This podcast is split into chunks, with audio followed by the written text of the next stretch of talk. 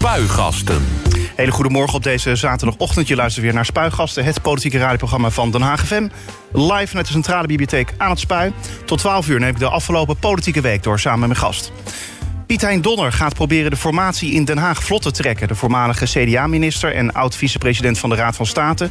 die wordt adviseur van de gemeenteraad en gaat zoeken naar een oplossing... voor de ontstane impasse. De CDA-prominent is vrijdagmiddag tijdens een vertrouwelijke vergadering van de fractievoorzitters geschikt bevonden. De formatie in Den Haag is al twee keer mislukt omdat te veel partijen elkaar uitsluiten. Hoe kijkt fractieleider Robert van Asten van D66 terug op het moeizame formatieproces? Op welke manier kan Donner wel een doorbraak forceren? Allereerst, goedemorgen. Goedemorgen, Ivar. Fijn dat je er bent. Hoe was de week? Uh, ja, wel intensief. Na natuurlijk net reces gehad. Maar goed, er is een hoop wel in gebeurd. Maar je bent even alle vergaderingen ben je, ben je daaromheen kwijt. Dus je kan even wat gas terugnemen. Ja, en dan deze week was het natuurlijk wel weer gelijk onder volle hoogspanning van de formatie. Met heel veel overleggen weer. Uh, dus dat uh, hakt er dan gelijk even in. Maar gelukkig is het lekker weer dit weekend. Dus even tijd om adem te halen. Is het een beetje te combineren eigenlijk? Hey, het wethouderschap, ook nog fractieleider en ook nog die... want je zit nu ook nog in de raad. En dan ben je eigenlijk ook nog hè, de, de, ja, het, het aanspreekpunt. Je moet de lijn bepalen, de strategie bepalen van D60 in die formatie. Is het wel te doen? Ja, het is, het is zeker te doen. Zeker met een beetje hulp. Marieke van Doorn, de vice-fractievoorzitter, die, eh, die pakt die taak van de fractie uitstekend op. En we hebben een leuke fractie, dus dat regelt zich wel. Uh, het wethouderschap, ja, er zijn toch wat afspraken die moet je afzeggen. Om tijd te maken voor die formatie. Dat is nu echt uh, eigenlijk het belangrijkste. Tegelijkertijd weet ik bijvoorbeeld dat volgende week heb ik vergaderingen weer op het ministerie. Onder andere over de, de aanleg van de trambaan over de Binkhorst. Ja, die, die kan ik natuurlijk niet afzeggen. Hè. Dat zou niet in het belang van de stad zijn. Moet je nog tegen iemand sorry zeggen? Van waar je dus niet uh, op bent komen dagen? Ja, ik denk het wel. Uh, nou ja, er zijn, er zijn heel veel afspraken. Ik zou bijvoorbeeld uh, afgelopen donderdag bij de Broodexpress... in Morgenstond geloof ik eventjes op bezoek gaan. Gewoon even kijken hoe, hoe ze daar aan het werk zijn. Ja, dat moest ik toch helaas afzeggen. Maar als je meeluistert, ik kom zeker nog een keer langs. Goed zo. ook nog naar ADO wezen kijken? Nou, dinsdagavond uh, heb ik inderdaad... Uh, ik, ik, ik heb het uh, ESPN-kanaal, dus ik kon lekker meekijken met de wedstrijd van ADO. En dat was natuurlijk wel ontzettend spannend en dan heerlijk... om dan gewoon die winnende te maken in die 93ste minuut. Beetje als een Duitser. of dat als de Duitsers beetje, dat kunnen, Een toch? beetje Duitse overwinning. Zwaar onder druk staan en dan uiteindelijk toch in blessuretijd de winnende maken. Dus ik hoop dat ze dat vanavond net zo gaan doen. Ja, dat is de grote vraag natuurlijk. Ja, wordt lastig. Zonder, zonder Verheid in de basis. Uh, Kishna geblesseerd. Uh, dan moeten de anderen het gaan doen. Maar volgens mij zijn die jongens hebben er zin in. Dat zag je tegen NAC. Dus ik heb er alle vertrouwen in. Maar ga je dan nu wel in het stadion zitten? Nee, ik kan dus niet. Ja, ontzettend vervelend. Ik heb seizoenkaart, ik heb hem notabene verlengd. Want dan kon je al gelijk naar deze, naar deze play-off wedstrijden. Alleen vanavond is ook het Haags Ondernemersgala. Ook twee jaar uitgesteld vanwege corona. Dus eindelijk de plek weer waar alle ondernemers bij elkaar komen. Ben ik voor uitgenodigd via de HTM. dus ja, daar moet ik naartoe. En ik kon dat, kon dat helaas niet, niet combineren. Maar wacht even hoor. Ik bedoel, ja, je bent er uitgenodigd vanuit de HTM. Maar ik bedoel, ja, er is ook al waarschijnlijk een andere wethouder bij, zoals Kja Bruines. Die is er zeker ook. Uh, die, die natuurlijk als wethouder economie uh, heeft zij daar ook uh, de tafel met veel ondernemers. Ja. Maar ik dus weet ook dat Anne zitten? Mulder, Hilbert Bredemeijer gaan ook. Iedereen gaat gewoon. Uh, ik weet niet of iedereen gaat, wel een hoop. Wel een hoop. En dat is ook goed. Hè? We moeten ons als college laten zien dat we er uh, uh, voor iedereen zijn. Dus ook, er ook zeker ook voor de ondernemers die ook door moeilijke tijden heen zijn gegaan. en uiteindelijk doe je het als ondernemers toch ook weer samen voor die stad. zaken ondersteunen. nou, bijvoorbeeld ADO ondersteunen. Maar ook heel veel mooie initiatieven in deze stad. En dan moeten mensen een beetje bij elkaar komen. En dat is dus vanavond. Mooi. Uh, we gaan straks uh, terugblikken op uh, natuurlijk de afgelopen week. En we gaan natuurlijk straks hebben inderdaad over de formatie. Maar zoals gezegd, eerst de afgelopen politieke week. Het politieke weekoverzicht. Maandag 9 mei. Ja, dan beginnen we dus met maandag. Tijdens de Dag van Europa zijn maandag 12 Europese vlaggen gehezen langs de Hofvijver. Evenveel als het aantal gouden sterren erop. Die staan voor eenheid, solidariteit en harmonie tussen de staten. De vlag die werd ook gehezen bij het stadhuis en op andere plekken in de stad. Ja, jij hees volgens mij de vlag bij het stadhuis, uh, meen ik. Of ook nog op andere plekken? Uh, ja, bij mijn eigen huis. Oh ja, precies. Daar heb ik hem ja. ook opgehangen. Oké. Okay. Niet eraf getrokken trouwens daar? Nee hoor, keurige buurt, dat uh, gebeurt daar niet. Oké, okay. het leek een beetje alsof deze dag van Europa groter werd gevierd dan andere jaren. Had je dat idee ook? Absoluut. Ik denk dat met alle, alles wat er gebeurt uh, internationaal gezien... Uh, zeker de Oekraïne laat zien dat Europa uh, weer echt een rol moet pakken. en wat is dan Europa? Het is ook al jarenlang de vraag van hoeveel mensen gaan stemmen voor het Europees Parlement. Wat doen ze daar anders dan de, dan de, dan de telefoontarieven in het buitenland naar beneden brengen? Prettig, maar dat is natuurlijk niet waar de Unie voor, zou, voor, voor staat. dat is echt om te zorgen dat er vrede en veiligheid is. Dat er welvaart voor iedereen is. En ik denk dat we ons als Den Haag, stad, internationale stad van vrede en recht... nog meer moeten beseffen van wat dat allemaal doet en wat dat allemaal kan betekenen. En daarover ook het gesprek aan gaan. En het is de afgelopen maanden uh, is er ook een uh, dialoog geweest over de toekomst van Europa. We hebben ook heel veel bijeenkomsten gehad hier, uh, hier in de stad. Dus ja, daar hoort dan bij dat je ook op een dag die gevierd wordt als Dag van Europa... toch even terugblikt en vooruitkijkt. En het ook laat zien hè, dat we er nou, ook wel trots onderdeel van uitmaken. Maar heb je, heb je echt het idee dat het dan echt leeft op zo'n dag in Den Haag? Ik heb nog geen parade gezien van mensen die spontaan uh, in blijd, blijdschap uh, uit, uh, uitbarsten. dat, dat hoeft natuurlijk ook niet, maar het is wel goed dat we het laten zien. Dat we er onderdeel van uitmaken. En dat mensen daar wellicht ook wel over nadenken. Kritiek hebben, suggesties hebben. Je moet, het, je moet het debat op gang brengen. Alleen dan heb je een goede democratie, ook in Europa. Over kritiek gesproken, er zijn natuurlijk een hoop mensen die zich afkeren van de Europese Unie. dan helpt het toch niet om met een beetje met een vlag in hun gezicht te gaan wapperen? Ik denk niet dat we met de vlag in het uh, gezicht wapperen. We laten het zien dat we daar uh, trots op zijn.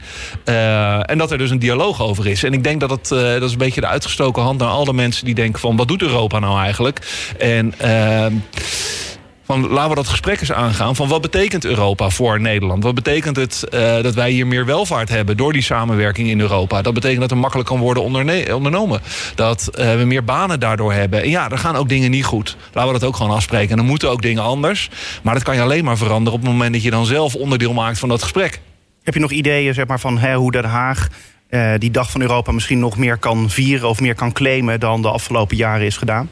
Ik denk dat we uh, vanuit die dialogen van de toekomst van Europa... Uh, gewoon eigenlijk gedurende het jaar door in gesprek moeten gaan. En dat op, eigenlijk op alle niveaus. Hè. Dat moet je doen met studenten van de Haagse Hogeschool en de universiteit. Maar het zou me ook fantastisch lijken... als we dat ergens een keer op het Loostijns Hoofdplein tijdens de markt gaan doen.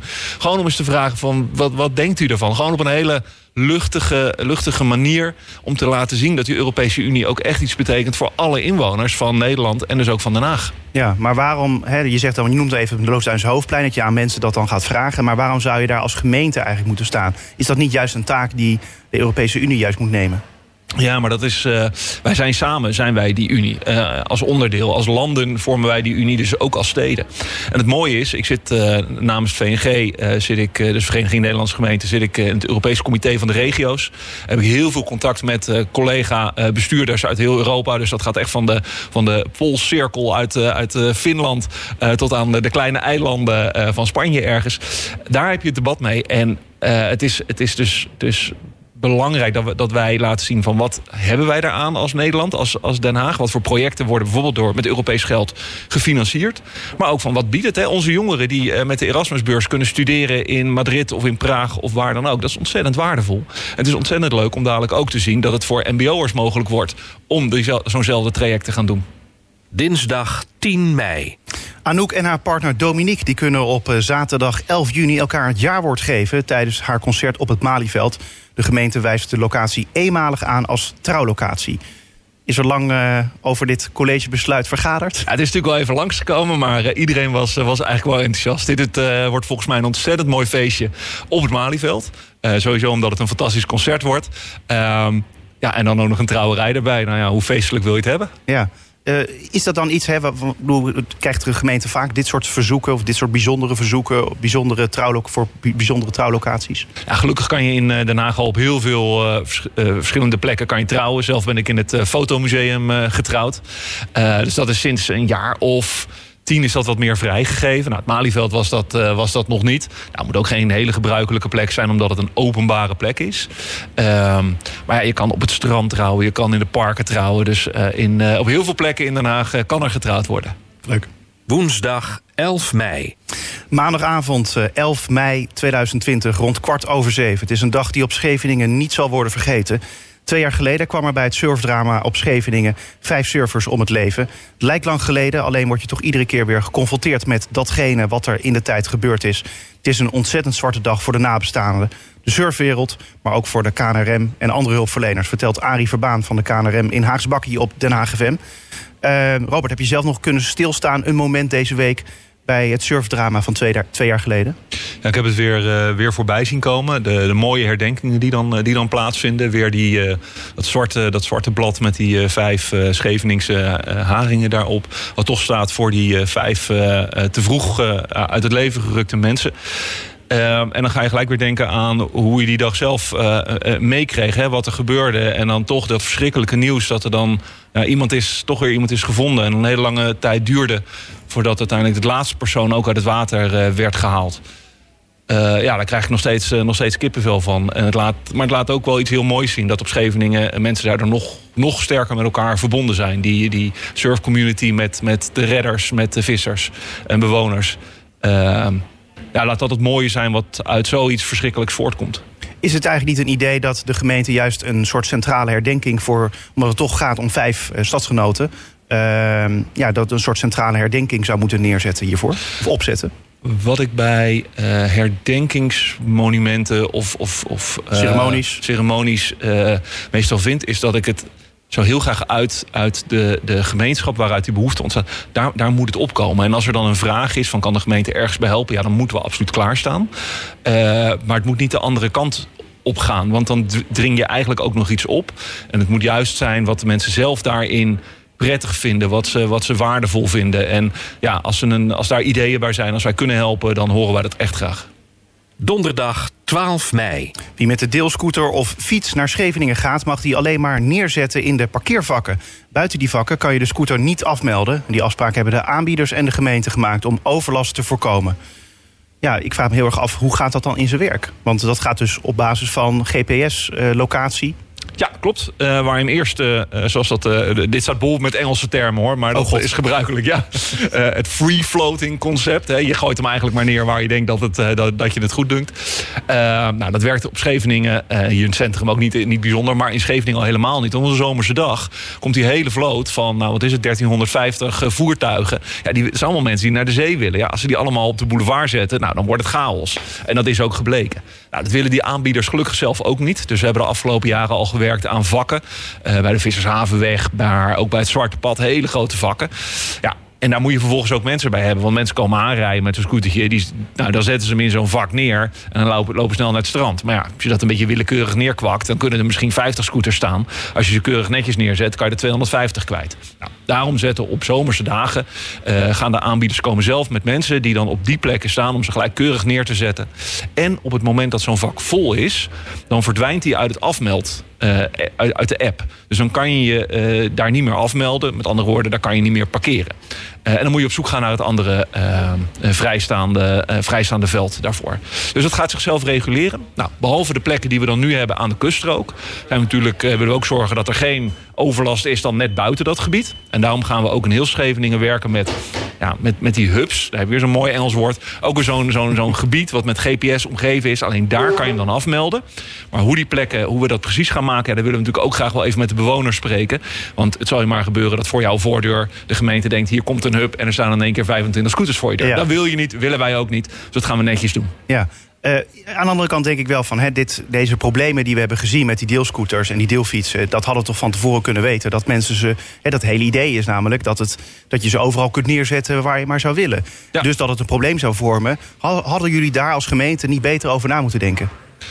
Nou, sterker nog, uh, uh, we hebben natuurlijk eerst gezien dat in Amsterdam en Rotterdam kwamen die, uh, die Chinese deelfietsbedrijven. O-Bike heette dat geloof ik nog. En Mobike.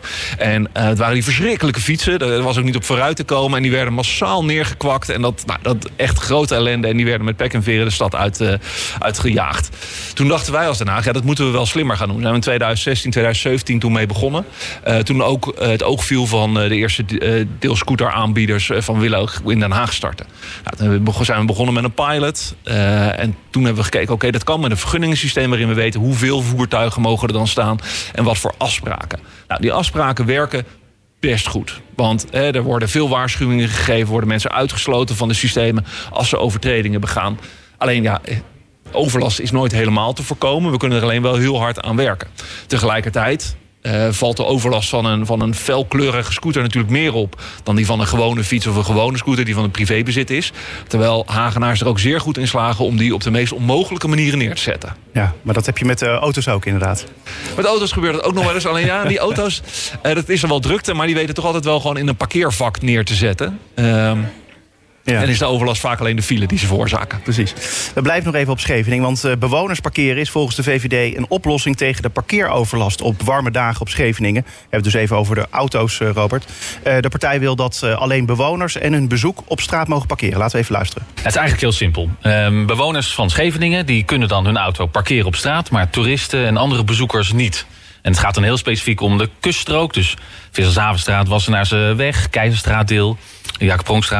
Ja. En daar kunnen dan mensen die er wonen gewoon een auto kwijt. Maar mensen die om naar het strand gaan, die kunnen hem daar niet kwijt. Die moeten hem dan kwijt in de parkeergarages. Maar je zegt ook bezoekers, dus dat betekent dat als mijn oma op het bezoek komt... dat die daar ook niet kan parkeren? Nou, als je daar woont en je hebt wel bezoekersvergunning... dan mag die daar wel parkeren. Want dat is de bedoeling van uh, het, uh, de straat parkeren. Namelijk, jij en je bezoek kan er wel parkeren. Maar dan is dat specifiek voor jou. Die komt dan niet specifiek voor het strand om een dagje uit te gaan. Goed idee?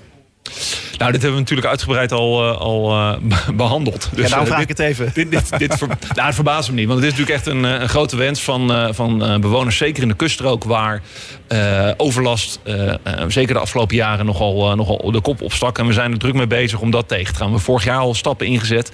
En gaan we ook dit jaar doen. We hebben gekeken naar bewonersparkeren. Alleen dan hebben we een groot nadeel ontdekt dan kan je als gemeente eigenlijk nauwelijks handhaven. Want dan komt het veel meer op het bordje van alleen de politie terecht.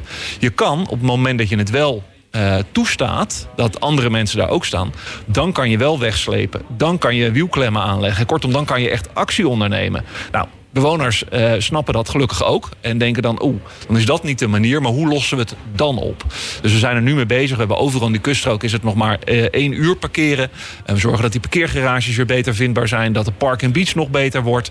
Uh, en we zorgen dat die handhaving met wegslepen en wielklemmen... dat dat nog strakker gaat plaatsvinden in dat gebied. En tegelijkertijd gaan we dan ook doordenken... Hè, van nou ja, als je je dan aanmeldt... wat betekent dat dan als je nog langer blijft staan? Nou, dan kan je denken aan van, uh, doe een hele dagkaart. Nou, dan ben je gelijk heel veel geld kwijt. Dan kan je hem echt beter in de garage zetten. Of een soort progressief uh, tarief. Ik zal het woord tientje niet in de mond Parkeertientje, nemen. Ja. Maar uh, nou, dat hebben we ook met de, we zijn gelukkig heel goed in gesprek met de bewoners in die, in, die, in die groep waarmee we al goed anderhalf jaar mee bezig zijn. Nou, die hebben gezegd, nou, laten we dat nou even heel goed uitwerken. Niks overhaast, want dan krijgen we weer de discussie over het tientje. Ehm, uh, laten we daar even de tijd voor nemen. Dan is het dat niet voor dit seizoen. Gaan we gewoon dit seizoen weer keihard handhaven met de wielklem en dergelijke. En dan volgend seizoen hebben we echt een systeem waar uh, ja, we goed doordacht hebben... en waar iedereen achter kan staan. Dus is het plan van de VVD dan voor de bühne? Nou, het is, niet, het is niet voor de bühne, want het klinkt heel sympathiek natuurlijk. Hè? Alleen, en dat het klinkt ook heel logisch. En dat willen we ook eigenlijk. Uh, behalve misschien de winkeliers die zoiets hebben van... nou ja, misschien wil ik wel dat mijn mensen ook nog eens met de auto iets kunnen komen ophalen. Maar, maar goed, dat, dus dat, dat, dat wil jij niet, toch? Nou, er was uh, van de week een inspreker, uh, mevrouw, en die had het over van ja, als naar de bakker, uh, iemand met de auto naar de bakker wil gaan. Toen zat ik wel te denken, nou, moeten we voor een halfje wit in de auto stappen? Maar goed, hè, dat, zou zomaar, dat zou zomaar kunnen, ga ik geen oordeel over uitspreken. maar samen met de bewoners en ondernemers zijn we goed in gesprek en gaan we dit oplossen. Oké, okay, maar over de VVD? Sorry? Wat vind je van het plan van de VVD dus? Nou ja, dat, dat, dat werkt dus niet helemaal. Dus het is uh, een uh, plan wat ik, wat ik begrijp. We hebben het ook echt goed bekeken, ook samen met bewoners. Maar er zitten te veel nadelen aan. Oké. Gaan we nog naar één ander uh, ding van, uh, van uh, deze dag, donderdag. Een ander belangrijk nieuws van deze donderdag is namelijk... om Den Haag en omliggende steden bereikbaar te houden... moet de gemeente nu al gaan nadenken over miljardeninvestering in het spoor. De NS en ProRail wilden namelijk dat reizigers dadelijk... om de vijf minuten een trein kunnen pakken. Dat is nodig, want anders lopen we vast. Absoluut. Ik ben het helemaal eens met wat uh, de twee, twee dames van ProRail en de NS zeiden in de krant. en we zijn gelukkig ook goed bezig. We zijn bezig met, zo, heet, zo heet dat dan, de oude lijn. dat is de lijn van, van Haarlem, Leiden richting Dordrecht. Um, daar willen we de capaciteit flink op gaan verbeteren. Onder andere station Laan van Nieuwst-Indië moeten we daarvoor aanpassen. Nou, dat was een, is een van de proposities die in het Groeifonds zaten. Het Wopke Wiebesfonds, als dat nog deels bestaat. Maar gelukkig is dat geld wat voor infrastructuur en voor dit project was, is overgegaan naar, uh, naar het mobiliteitsfonds. Daar hebben we ook binnenkort trouwens die uh, belangrijke gesprekken over. Uh, en als we dan daar fors in investeren en in dat viersporigheid tussen Delft eh, en Schiedam. Dan kunnen hier echt heel veel treinen gaan rijden. Goede intercities en op de buiten, buitenste sporen van die sprinters eh, met nieuwe stations. Zoals bijvoorbeeld ook in Rijswijk Buiten. Grote nieuwe woonwijk, ook daar dan een eh, stationnetje. En dan kunnen mensen die dan daar wonen ook vrij snel eh, naar Delft, Rotterdam of Den Haag. Mooi. Vrijdag 13 mei. Het lijkt inmiddels een wapenwedloop tussen Vandalen aan de ene kant en de LHBTI-gemeenschap en de gemeente Den Haag aan de andere kant. Na de regenboogvlag en de regenboogbank, die beide werden vernield, wil de gemeente nu ook in de tunnel onder station Hollandspoor een regenboog. Dat schrijft AD Haagse Courant vrijdag. Kleurrijke bank die afgelopen vrijdag werd onthuld, was een paar dagen later al ontsierd met rode verf. Eerst werd de regenboogvlag al acht keer vernield. En nu dus het bankje. Verdraagzaamheid en respect creëert toch met het aangaan van een dialoog, denk ik dan eigenlijk, Rood van Asten. En niet met alleen maar het aanbrengen van alleen maar regenboogkleuren in de stad. De stad flirt er natuurlijk wel leuk van op. Ik bedoel, laten we, daar, eh, laten we dat voorop zetten. Maar wat we eigenlijk nog meer voorop moeten zetten... is dat je gewoon met je fikken van spullen af eh, dient te blijven. Of dat nou een bankje in de regenboogkleur is of een gewoon bankje... eh, dat maakt me niet uit. Je blijft er gewoon vanaf. Eh, en wat je zelf persoonlijk vindt van dat bankje... Ja, dat, dat heeft de rest van de wereld gewoon niks mee te schaften. Dus ja, een dialoog eh, zijn we al druk mee bezig. Hè? Want daar zijn we al, daar zijn we al decennia mee bezig. Eh, we zijn bezig met voorlichting op scholen. We zijn het op allerlei wijzen. Is dit het debat? Dit is Nederland anno 2022. Ehm, en als je het er al niet mee eens bent, nou prima. Maar dan, dan, dan doe je daar vervolgens niks mee. Je gaat niks vernielen. Nou, er zijn twee jongens zijn er, eh, zijn er toen vorige keer opgepakt. Ik geloof dat ze, dat ze 14 en 16 waren. Nou, laat ik het dan maar eh, een soort jeugdige bravoure eh, noemen dat ze zoiets doen. Uh, maar dat er nog een wereld te winnen is in, uh, in veel wijken van Den Haag. van noord naar zuid, van oost naar west. Daar is absoluut nog wel wat, wat mee te winnen. Maar het begint ermee gewoon, je hebt gewoon van spullen af te blijven. Nee, dat lijkt me logisch. Maar nu gaat de gemeente ook regenboogvlaggen uitdelen aan mensen die deze vlag Ja, thuis prachtig, willen toch? Ja, heb je er al eentje besteld of niet? Ik heb er thuis heb ik er je een. hebt er al eh, één, Ja, ik ben heel blij dat ik tegenwoordig een, eh, een vlaggenmast eh, aan mijn huis heb zitten. Dus voor Europa, voor eh, de regenboogvlag, alles eh, komt voorbij. Koningsdag, bevrijdingsdag. Nou, eh, Het is ook heel leuk eh, het gesprek met de buren, want die, hebben, die bellen dan echt aan. Zo van, eh, waarom hangt die vlag daar? Wat is er nu? Zijn jullie, zijn jullie getrouwd? Nee, waren we al. dus nu deze dag. Precies. Eh, maar die vlaggen die werden al acht keer neergehaald natuurlijk bij het Huygenspark. Zonder dat er eh, toen eh, in eerste instantie dus iemand voor kon worden aangehouden. Na acht keer eindelijk wel. Dan denk ik, dan leidt dit toch nog straks tot meer vandalisme. Eh, ja, waarschijnlijk. Ik, wil niet de goden verzoeken, maar Ja, maar Ivor, wat zou, het wat, zou, wat zou het andere kant zijn? Zou dat dan moeten zijn van, nou weet je wat, laten we de vlag er maar weghalen... want dan hebben we geen vandalisme. Nee, gaat absoluut niet gebeuren. Die vlag blijft daar, eh, blijft daar staan. En ik vind het inderdaad heel mooi dat we dan gewoon extra vlaggen gaan uitdelen... dat mensen die thuis ook nog eens kunnen ophangen uit solidariteit... maar vooral uit, we zijn hier één gemeenschap... en we zullen het allemaal samen moeten doen. En of dat nou onder deze vlag samenvalt of onder een andere vlag... eh, daarover moet je het met elkaar gaan hebben. En ook eh, jonge gasten van, van een jaar of 14, 15... eh, die moeten dat ook maar zien te respecteren... dat, dat ze met hun fikken van de spullen af moeten blijven. Zaterdag 14 mei. Het door integriteitskwesties geplaagde D66 heeft er in Brussel een nieuwe kwestie bij. Ditmaal gaat het om eh, Europarlementariër Samira Rafaela. Drie voormalige medewerkers die dienden klachten tegen haar in... omdat zij zich als werkgever schuldig zou hebben gemaakt... aan onder meer machtsmisbruik. De commissie Integriteitsonderzoeken van D60 die verklaarde die, die klachten ongegrond. Blijkt uit eh, vertrouwelijke stukken die zijn ingezien door NRC. Ik denk bijna, ik weet niet of je het ge- ge- meegekregen had, eh, Robert. Ik Maar- las het. Ik, eh, ja, Jullie hebben bij D60 wel eens leukere tijden meegemaakt, denk When ik. it rains, it pours. Eh, nee, absoluut. Ja, Eh, natuurlijk ontzettend vervelend. Allereerst voor, voor al die mensen die, die zich daar het slachtoffer van, van, van voelen. En die dat ook zijn, als dat gegrond is verklaard. Ja, daar sta je als politieke partij natuurlijk niet, niet mooi mee op. Want ja, je hebt echt wel een voor, voorbeeldfunctie naar de rest van het land. Zeker als je daar in de Tweede Kamer of waar dan ook over spreekt. Eh, daar moet je dus als partij heel scherp op zijn. Ik denk dat eh, de vorige kwestie heeft laten zien dat we dat niet waren. Eh, hebben we denk ik te... te ja, een beetje labbekakkerig in, eh, in gehandeld. Hè. Ehm, het rapport en vooral niet zijn gaan staan voor het, voor het slachtoffer. Die moet je als eerste gaan beschermen. Ehm, ja, ik kan alleen maar zeggen dat we er als partij ongelooflijk veel van moeten leren... en heel erg scherp op moeten zijn. Ja. En dat is in ieder geval wat ik wel uit deze schandalen wil halen. Eh, zondag, morgen dus, dan praten D60-partijleider, de partijleden dus ook over die eerdere kwestie. Is dat nog een moment dat jij daar dan ook bij bent? Want jij bent ook een prominente Ja, ik hoop, D60. daar, ik hoop daar zeker nog, eh, nog bij te kunnen zijn. Het is in Den Bosch. Ik moet wat dingen gaan verzetten. Maar ik zou er wel heel graag bij willen zijn. Ja, eh, en deze zaak die, die speelde notabene namelijk ook nog in de Haagse formatie nog een enige rol. Ja, dat heb ik ook eh, gehoord. Ja, ik vond dat een beetje er eh, met de haren bij gehaald. Maar, eh, maar goed, dat staat iedereen staat dat vrij. Ik zal het even uitleggen, omdat Hart voor Den Haag volledige inzage eiste in het MeToo-rapport. van, om, om het prominente partijlid waar het dan om gaat. En vraagt dus opheldering over de aard en omvang van de opdrachten aan het lobbybureau van de vooraanstaande D60er. Wat, wat, wat vond je daar dan van? Nou, kijk, de vragen over eh, eh, de, de, de verbanden tussen het lobbybureau en de gemeente zijn prima vragen. Eh, het is wel een dusdanig grote, grote vraag dat er echt wel flink aan moet worden gewerkt voor een goed antwoord. Maar dat gaat er komen. Maar er is ook gevraagd om, de, om inzage in het geheime rapport. Nou, zelfs het slachtoffer heeft al duidelijk aangegeven dat zij dat niet wil, dat het rapport naar buiten komt. Ja, dan ga je toch als politieke partij in Den Haag niet vragen of jij dat rapport even in mag zien. Kom nou.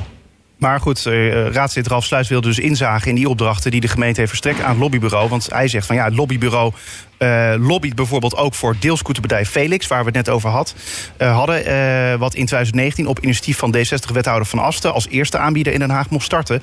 Hij zei van ik wil weten of er contact is geweest tussen het kantoor van Van Drimmelen en Van Asten. Dus de vraag is heel simpel dan, is dat contact er geweest? Ja, dat, dat zit ik hier. We hebben het wel eens vaker over gehad, over verschillende petten.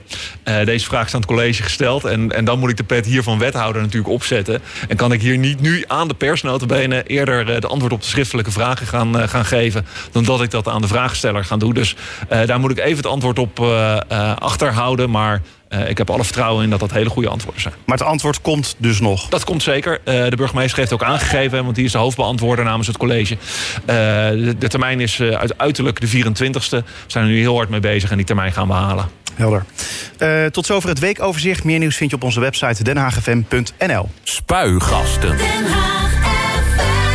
Piet Donner die gaat proberen de formatie in Den Haag vlot te trekken. De voormalige CDA-minister en oud-vicepresident van de Raad van State.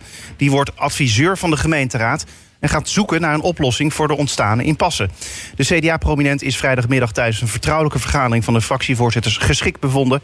De formatie in Den Haag is al twee keer mislukt, omdat te veel partijen elkaar uitsluiten. Hoe kijkt fractieleider Robert van Asten van D60 terug op de moeizame formatie? En op welke manier kan Donner wel een doorbraak forceren? Ehm, even in één woord, eh, Robert. Hoe is de formatie tot nu toe verlopen? Intens. Intens, waarom? Omdat er echt heel veel gesprekken hebben plaatsgevonden. Eh, als je dat even vergelijkt met vier jaar geleden. Toen, eh, toen kwam Hans Wiegel ons verblijden in Den Haag. En dat was, nou, ik heb jullie gehoord. Deze vier partijen moeten het doen. Succes, ik ben weg. Ehm, en die vier partijen gingen het vervolgens doen. Eh, en dat, dat, dat knalde vervolgens na anderhalf, eh, anderhalf jaar door eh, alle, alle gebeurtenissen. Deze formatie is natuurlijk heel anders. Want het begon met de, de, de, de koffiegesprekken van, van collega Verdonk. Daarna de, verkenner, nee, de informateurs met verkennende opdracht. Eh, en toen Joost Sneller en Annelien Bredehoort namens D66. Ook die hebben weer heel veel gesprekken gevoerd. Maar onderling hebben we juist nog veel meer gesprekken gevoerd. Ik heb ja, echt de meeste collega's in de raad heb ik echt de afgelopen vier jaar niet zo intens gesproken. En vooral ook niet over de echte beweegredenen en, en wat ze nou echt vonden. Natuurlijk, weet je, je bent heel veel in een college bezig om. Als ik met, met eh, Anne Mulder spreek, dan hebben we het over van oké, die Binkhorst, hoe gaan we dat doen? Wat wordt de tactiek om te zorgen dat die tram er komt en die bebouwing? En daar je hele goede gesprekken mee. Eh, maar dat is toch anders dan dat je denkt van oké, hoe lo- lood je nou eigenlijk allebei je partij richting een coalitie of niet? Eh, en wat vind je daarin belangrijk? Terwijl uiteindelijk leek het dus heel erg simpel, hè, toen de verkiezingsuitslag er was, de huidige coalitie kon blijven zitten. Kan nog steeds. Ja, kan nog steeds, zeker er- weten. En, en dat is die, eh, ehm, die, die uitslag was denk ik om verschillende redenen wel verrassend. Want als je de peilingen van tevoren zag, dacht ik eigenlijk helemaal niet dat er zo heel veel mogelijk was. En, wat, wat hoorde ik eh, Joost Sneller eh, tijdens de raadsvergadering zeggen... dat er iets van 46 mogelijke coalities waren. Dan denk ik, nou, dat is een behoorlijke spreadsheet vol. Ja. Maar dat is als je, als je Tetris gaat spelen, zeg maar. Ja, dan, dan moet je ze wel heel creatief bij elkaar brengen. Ehm, dat kan. Eh, en wellicht dat dat, eh, dat dat er nog uitkomt. Ehm, maar met die uitslag was, was er dus veel mogelijk. En ja, dus ook meer mogelijk dan alleen de huidige coalitie. Ja. Ehm, Ja, je zei net van het is intens. Heeft het ook nog, was het ook intens omdat hè, er was, ja, ik zou bijna een soort vete willen noemen tussen Hart voor Den Haag, Groep de Mos en D60. Hè, en dan jouw persoon tegenover Richard de Mos. Want die verhoudingen zijn wel op scherp komen te staan, heb ik het idee. Ja, ik heb natuurlijk tijdens de. Uh, nou, eigenlijk vanaf 2019, toen hebben we natuurlijk gebroken in dat college vanwege die. Uh, uh, vanwege die invallen bij uh, en, en de Mos en, en in de fractiekamers, of uh, in de wethouderskamers. Hè, dat, dat heeft echt wel wat gedaan. Nou, ze zijn uit elkaar gegaan, nieuw college. Um, ja, en sindsdien is er natuurlijk niet zo heel veel veranderd. We hebben nu een rechtszaak, komt eraan, eindelijk, zeg ik, zeg ik daarbij. Maar er zijn hele zware beschuldigingen van mijnheid, corruptie ambtsmisbruik, uh, deelname criminele organisaties. Nou, dat zijn echt wel forse dingen. Waarvan wij toen ook in de campagne hebben gezegd... nou ja, wij willen echt dat dat eerst is opgehelderd. Over enige twijfel moet het uh, nieuw bestuur verheven zijn. Dus D66 zal niet instappen als Groep de Mos een college vormt. Heb je stiekem in die hele periode dat het toch nog een beetje omspande... Hè, van Hart voor Den Haag, D60, VVD samen in één coalitie... stiekem toch in één moment getwijfeld? Van zal ik het niet toch doen? Want het was wel de makkelijkste en snelste route. En misschien doe je me wel het meeste recht aan de verkiezingsuitslag. Ja, dat zijn natuurlijk verschillende, verschillende manieren hoe je daarnaar kan kijken. Uiteindelijk uh, uh, hebben alle stemmers hebben op hun partij gestemd. En als er uh, een coalitie komt van een meerderheid, dan is dat ook recht doen aan een uitslag.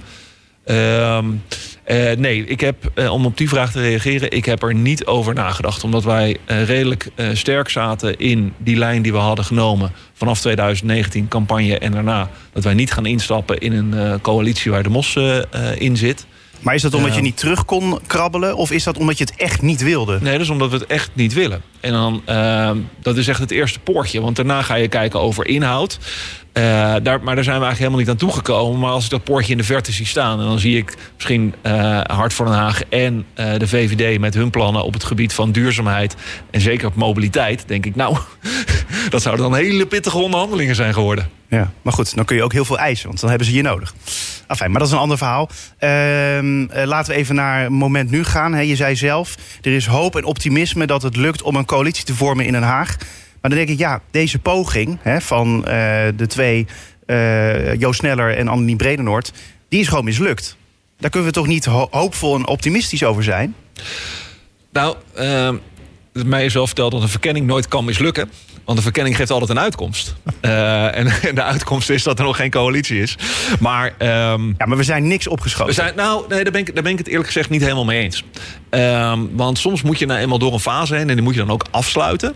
Uh, om uh, als een soort nieuwe werkelijkheid te scheppen. Om gewoon te zeggen van ja, nu zijn we twee maanden bezig. Die hele stad begint nu echt naar het ijspaleis te kijken van jongens... allemaal van onze centen, wij hebben problemen, ga eens even je best doen. en die druk wordt daarmee ook wel wat hoger. En dat is kan soms ook wel gewoon belangrijk zijn in het vormen van een coalitie. En dit heeft gewoon heel veel uh, blootgelegd. Er zijn heel veel gesprekken gevoerd. Waar ik inderdaad dat hoop en optimisme wel uithaal. We hebben een leuk debat gehad met collega's die zeiden van ja, maar wat is dat dan voor gevoel? Kan dat? Ja, dat is een gevoel dat kan je niet verder niet onder woorden brengen. Anders dan dat ik al die gesprekken heb gevoerd.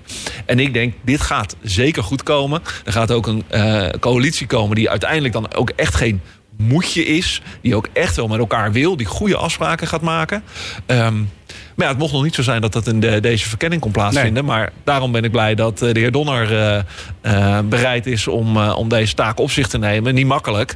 Ehm, maar je snapt toch wel dat mensen dit toch wel een beetje gek vinden. Dat jij zegt dat je hoopvol en optimistisch bent. Terwijl we al twee maanden lang in afwachting zijn van een bestuur. En dat er eigenlijk nog feitelijk geen enkele stap is in de goede richting gezet. Nou, als je. Kijk, je, zegt, je zegt wel van achter, achter de schermen zijn er nu uh, de, de, de, de verbindingen veel beter en zo. Maar ja, daar hebben wij nu op dit moment nog niks aan. Nou, uh, twee dingen. Ten eerste, veel meer goede gesprekken. die misschien in het verleden helemaal niet hebben plaatsgevonden. zorgen uiteindelijk voor een stevig fundament.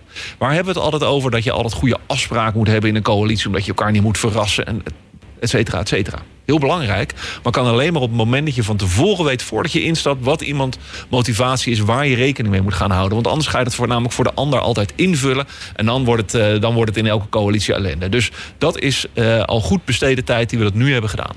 Ten tweede, als je de verslagen leest... dus niet alleen het verslag van de verkenners... maar ook de gespreksverslagen leest... dan zie je dat partijen echt wel opschuiven... en echt wel bereid zijn om van hun absolute voorkeur af te stappen om te kijken... oké, ik zou dit ook acceptabel vinden. Ik wil hier ook over nadenken. Plus de thema's die elke partij op tafel heeft gegooid. Denk van, alle ingrediënten zijn er.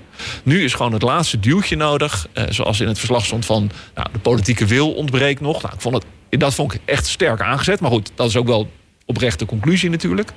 Maar ik denk wel echt dat we, dat we er gaan komen. Over die politieke wil die ontbreekt, laten we even luisteren naar uh, Tom de Bruin. Nou, ik vind de, de, deze fase, uh, zonder dat er nog concreet uitzicht is op welke meerderheid er nu in de raad zal ontstaan om een college te vormen, dat vind ik wel erg lang duren. En mijn indruk is dat dat komt doordat partijen elkaar uitsluiten. Zijn analyse klopt? Als je het uh, verslag van de verkenner dan klopt het uh, als een bus inderdaad. Hè? Ja. Terwijl hij niet verkenner was. Dus dat, was, dat is dan toch best knap dat hij dat als outsider weet. Ja, ik denk dat, nou, ik denk dat Tom de Bruin natuurlijk met zijn ervaring van, van wethouder hier... en vervolgens ook nog de formateur van het nou, nu nog zittend college... ook donders goed weet hoe die partijen in elkaar zitten. En dus ook al weet van waar zit nou die koudwatervrees. De vraag is dan, hè, wie sluit wie uit? Op dit moment worden er nog geen. Uh, even, dan zet, zet ik uh, Hart voor Den Haag even, even, even daarnaast. Omdat die niet, eigenlijk niet meededen uh, aan deze. Um, deze ja, die vielen er buiten. Omdat ze, ja. ja. ze vielen er buiten omdat ze dat zelf niet wilden. En andere partijen zeiden wij willen niet samen. En vervolgens wilden zij niet naar de verkenners gaan. Um, nou, als je dat rijtje even afpelt, dan ga je kijken, oké, okay, wie wil nou met wie? En dat is, geen enkele partij heeft gezegd, ik wil niet met een andere partij. Het is volgens mij altijd gegaan over van... Nou ja, wat is nou een stabiele coalitie? Is dat een, is dat een coalitie met vier, vijf, zes of zeven partijen? En met hoeveel zetels is dat dan? Met de minimale meerderheid van 23? Of moet je wat ruimer gaan zitten? Nou, die gesprekken hebben plaatsgevonden. Daar hebben we nog geen doorbraak in. Uh, maar dat is dus ook wel waarom ik denk... partijen kunnen elkaar prima op de inhoud vinden. Dus nu is even die vorm. Nou, ik denk dat uh, de heer Donner dat, uh, die vorm er maar eens in moet kneden. Ja, um, de, de vraag is dan verder, hè, als je het hebt over wie sluit wie uit. Kijk, dan gaat het over een aantal uh, partijen. Hè. De VVD zegt bijvoorbeeld: wij willen de Partij van de Arbeid er eigenlijk niet uh, bij hebben. Hè, want die is, op zetelgebied is die niet nodig, qua zetelaantal. Ja, volgens mij zeggen ze daarbij echt: wij willen geen partijen die getalsmatig overbodig zijn. Ja.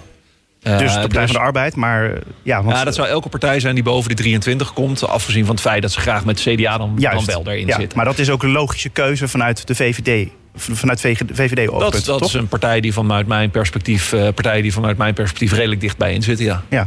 Uh, dan heb je GroenLinks die heel graag wil dat de Partij van de Arbeid erbij uh, dus wil. Maar ja, dan, dan dan kun je daarvan toch afvragen... waarom wil GroenLinks zo graag de Partij van de Arbeid erbij hebben? Want je zou ook kunnen zeggen...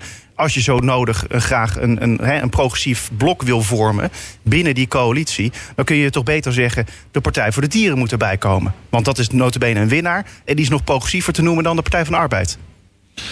Ook dat is natuurlijk altijd een uh, kwestie van perspectief. Hè, wie het meest progressief is. Is Partij voor de Dieren of Partij voor de Arbeid. Ik denk dat ze dat op allebei op hun eigen, eigen punten kunnen zijn. En op sommige punten ook heel, heel stijfkoppig kunnen zijn. En dat is goed. Hè. Je moet als partij moet je ook een beetje, een beetje de kleur erin hebben.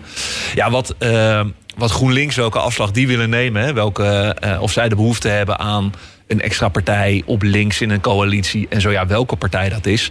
Ja, dan moeten zij hun eigen voorkeur uitspreken. Uh, en, en ze hebben die voorkeur van, uh, voor de Partij van de Arbeid hebben ze, hebben ze hard uitgesproken. Uh, zonder dat ze daarmee iets nadeligs hebben gezegd over de Partij voor de Dieren natuurlijk. Ja. Um, hebben we dan nog D66 die het moeilijk doet? Nee, ik ken D66. nee, D66 doet, uh, doet niet moeilijk hierin. Uh, het enige wat, wat wij hebben gezegd is dat er wel hele grote opgaves voor de stad liggen. Waar, dan, ja, waar echt keuzes moeten worden gemaakt. Ik vond dat het thema ook van de afgelopen verkiezingen. Van je moet wel eens even echt gaan kiezen, want anders komen we er niet. We zijn een, partij, of we zijn een stad die wel echt financiële problemen heeft. maar niet alleen financiële problemen. We horen het nu uit nou, eigenlijk al jaren uit Laken, uit Transvaal, uit Zuidwest. Dan moet je fors gaan investeren. En dan, ja, met een lege portemonnee is het moeilijk investeren. Dus keuzes moeten er gemaakt worden. Nou, dat is waar D66 wel echt voor wil gaan staan. Dus wat ons betreft uh, maken we nu echt uh, voort. Uh, gaan we die vorm erin gieten. Dus uh, wij gaan zo snel mogelijk langs, hopelijk bij de heer Donner. Nou, daar is hij inderdaad. Uh, we moeten naar uh, Piet Hein Donner. nee, goed, hij is hier niet in de studio. Nee. Maar je noemde hem. En ik ben heel benieuwd van hè, hoe kan hij nou een doorbraak gaan forceren in deze moeizame formatie? Dat zit hem uh, besloten in die motie die, die is ingediend door het CDA en door, door zo'n beetje alle partijen gesteund. Ehm, daar is natuurlijk echt gevraagd van ja, stel nou iemand aan met echt gezag, met zwaarte, gravitas, echt. Die gaat het nog één keer wegen. Ja, en in mijn ogen moet je dan wel van hele goede huizen zijn. Wil je zeggen, nee, wil dat toch niet. Ja, dat kan. Hè. Het kan. Iedere partij gaat natuurlijk over zijn eigen, eigen deelname aan een mogelijke coalitie. Ehm, maar ik denk dat de boot aan is op het moment dat er een, eh, een eh, advies komt. Een heel duidelijk advies komt, wat niet wordt nageleefd. Maar het heeft toch iets heel raars? Want uiteindelijk, hè, die, die partijen, daarvan weten we nu ongeveer wel van wat ze allemaal willen. Waarom zou dan een Piet Hein Donner ineens moeten zeggen... nou, maar nu moeten jullie echt gaan kleur bekennen... en als het echt niet hè, eh, gaat lukken, dan, dan maar niks. De ervaring eh, die ik eh, de heer Donner toe, eh, toedicht... denk ik dat hij voldoende weet heeft van hoe je, hoe je misschien geitenpaadjes weet te vinden... Hoe je, hoe je slimmigheidjes gaat doen. Hoe je misschien nog net even over een hobbeltje heen kan worden geholpen.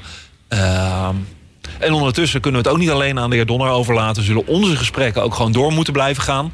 Ehm, met alle partijen om te zien van... joh, ik heb je toen gehoord, ik heb er nog eens over nagedacht. Zou dit misschien jou kunnen helpen om je over eh, die drempel heen te helpen? Laatste vraag. Op welke coalitie hoop je nu?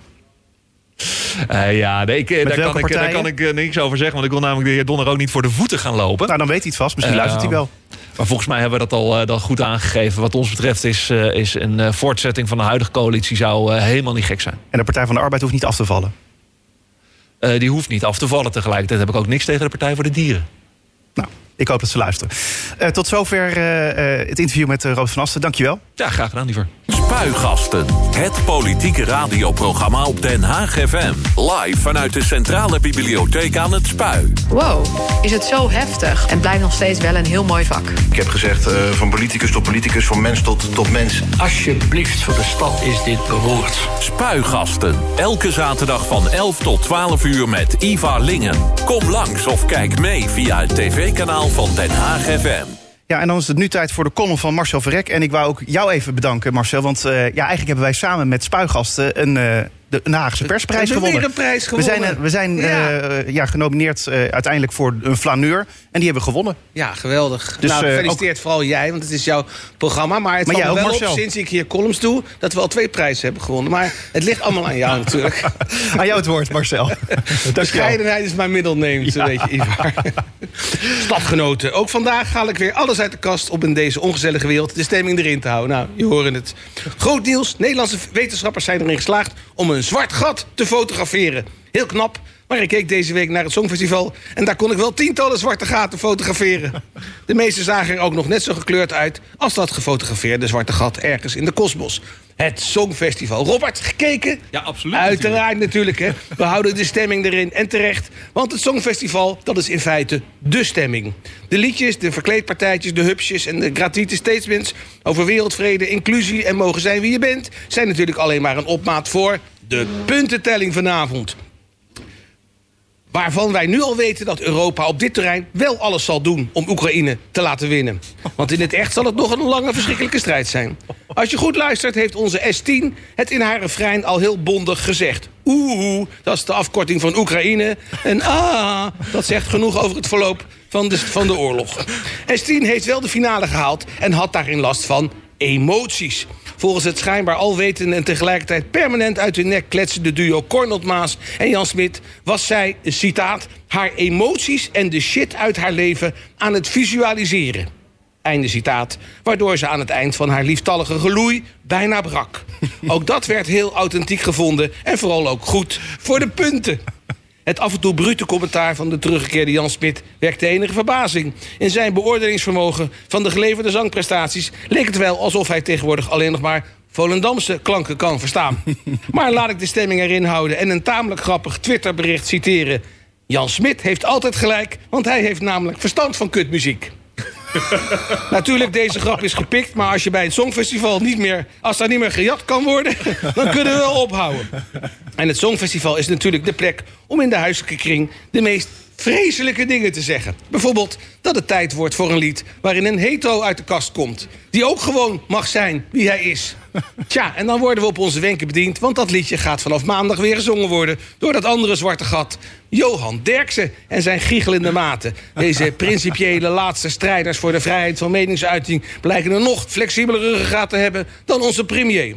Waarschijnlijk heeft Derksen de afgelopen week gefrustreerd op zijn snoor lopen kauwen... en had hij ook graag iets over dat Songfestival willen zeggen. Dagelijks omringd zijn door tienduizenden naargeestige bluesplaten... daar wordt niemand vrolijk van. Vanaf maandag zit de stemming er dus weer in. En ook de Engelse Queen is weer op de hoefjes. We blijven dromen van een betere wereld... waarin zo'n songfestival ook in Qatar gehouden zou kunnen worden.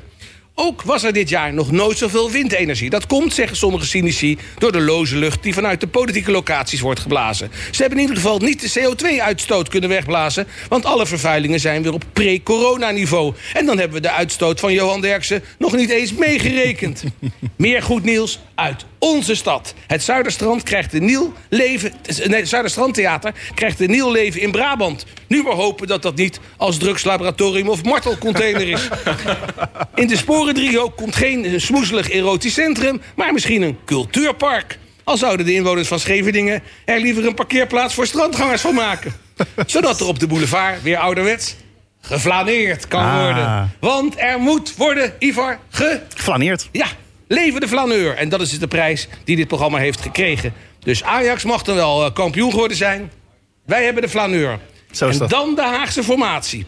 Ook resultaat van een bepaalde stemming. En die stemming moet erin gehouden worden. Dat moet vanwege de wet. En, ik zie het voor me, dan flaneren we achter de peddelende Piet Hein Donner... naar een nieuw college. en is het IJspaleis niet langer een zwart gat.